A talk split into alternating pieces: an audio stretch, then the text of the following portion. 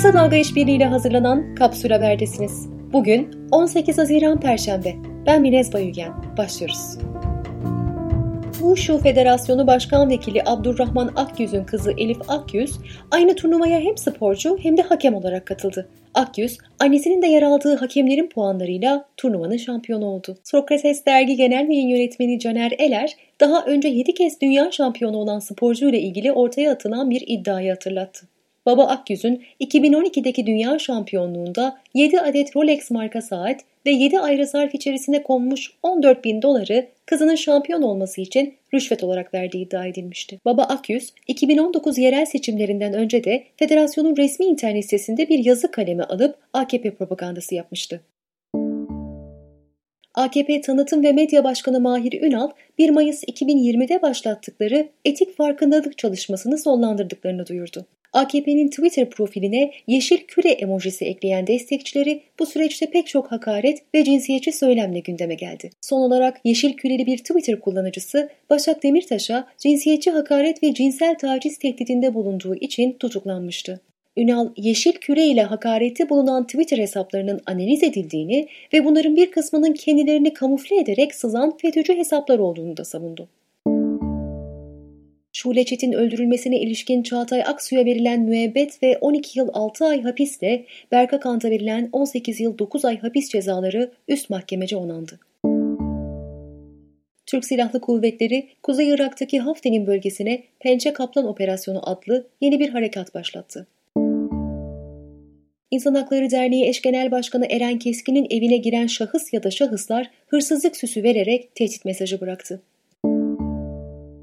Türkiye Futbol Federasyonu Başkanı Nihat Özdemir, Fenerbahçe kulübü üyeliğinden istifa etti. Özdemir, Türk futbolunda 9 yıldır şike tartışması yok sözleriyle kulübün tepkisini çekmiş ve disiplin kuruluna sevk edilmişti. İyi Parti Genel Başkanı Meral Akşener, cinsiyetçi hakaret ve cinsel taciz tehdidine maruz kalan Başak Demirtaş ile ilgili konuştu. Çirkin dilinizi kadınların üzerinden çekin. İBB Başkanı Ekrem İmamoğlu, İstanbul'u kilitlemekle tehdit eden taksicilere yasaların vereceği yetkiyi kullanmaktan imtina etmeyiz. Sakın bizi başka şeylerle tehdit etmeye kalkmasınlar sözleriyle yanıt verdi. Sırada güncel COVID-19 verileri var. Bugünkü vaka sayısı 1429. Son 24 saat içerisinde 19 kişi hayatını kaybetti. Böylece toplam vefat sayısı 4861'e yükseldi. Sağlık Bakanı Fahrettin Koca, bilim kuruluyla yaptıkları toplantıda sokağa çıkma yasağının gündeme gelmediğini belirtti. Bakan, vaka sayısına göre vefat oranının en yüksek olduğu ilin Gümüşhane, en düşük olduğu ilin ise Kilis olduğunu söyledi. İstanbul, Ankara ve Bursa için maske kullanma zorunluluğu getirildi. Bilim Kurulu üyesi Alpay Azap, artışlar belli odaklardan kaynaklanmıyor diye konuştu. Kaygılı olduklarını aktaran Azap, vakalarda yaygınlıkla karşı karşıya olduklarını söyledi. Azap'ın aksine Sağlık Bakanı Fahrettin Koca, yeni vakaların bölgesel olduğu görüşünde. Çin'in başkenti Pekin'de vaka sayısının artması nedeniyle kente giriş çıkışlar kısıtlandı, uçuşlar iptal edildi, okullar kapatıldı.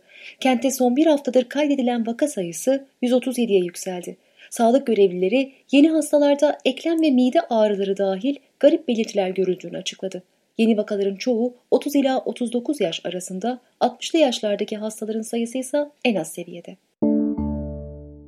Dünya Sağlık Örgütü Türkiye Program Yöneticisi Profesör Doktor Toger Ergüder, örgütün salgının ne zaman biteceğine dair öngörüsü yok. Dünyada ve Türkiye'de vaka sayılarını en az 6-7 ile çarpmak lazım diye konuştu. Sağlık Bakanlığı'nca yayınlanan yeni genelgede kapalı alanlarda kesinlikle klima çalıştırılmaması gerektiği belirtildi. ABD'deki siyah ve Latinlerin COVID-19 ölüm oranının bütün yaş gruplarında beyazlardan yüksek olduğu ortaya çıktı. Fransa Savunma Bakanlığı'ndan bir yetkili, Türkiye'yi NATO misyonu yürüten bir Fransız savaş gemisini taciz etmekle suçladı ve NATO'da bir Türkiye sorunu olmadığını iddia edemeyiz dedi.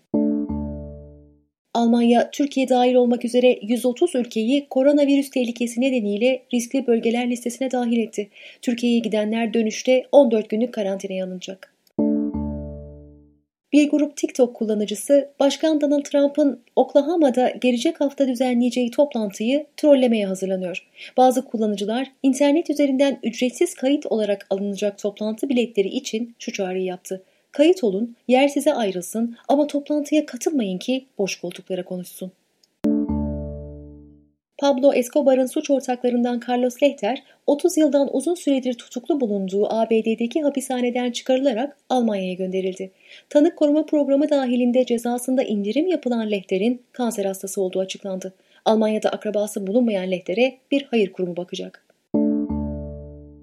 Japonya'da fiyatı ortalama 42 bin lirayı bulabilen dünyanın en pahalı meyvelerinden Densuke karpuzu bu yıl koronavirüs salgını nedeniyle 15 bin liraya satıldı.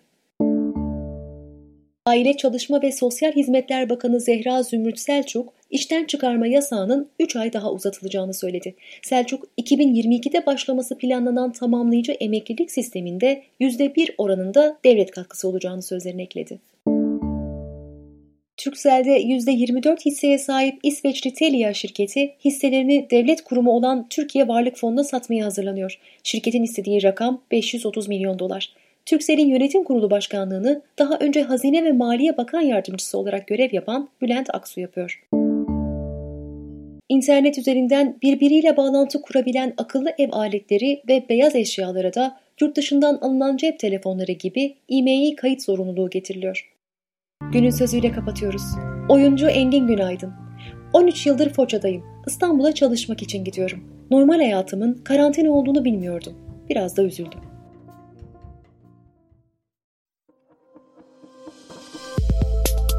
Bizi Kısa Dalga ve podcast platformlarından dinleyebilirsiniz.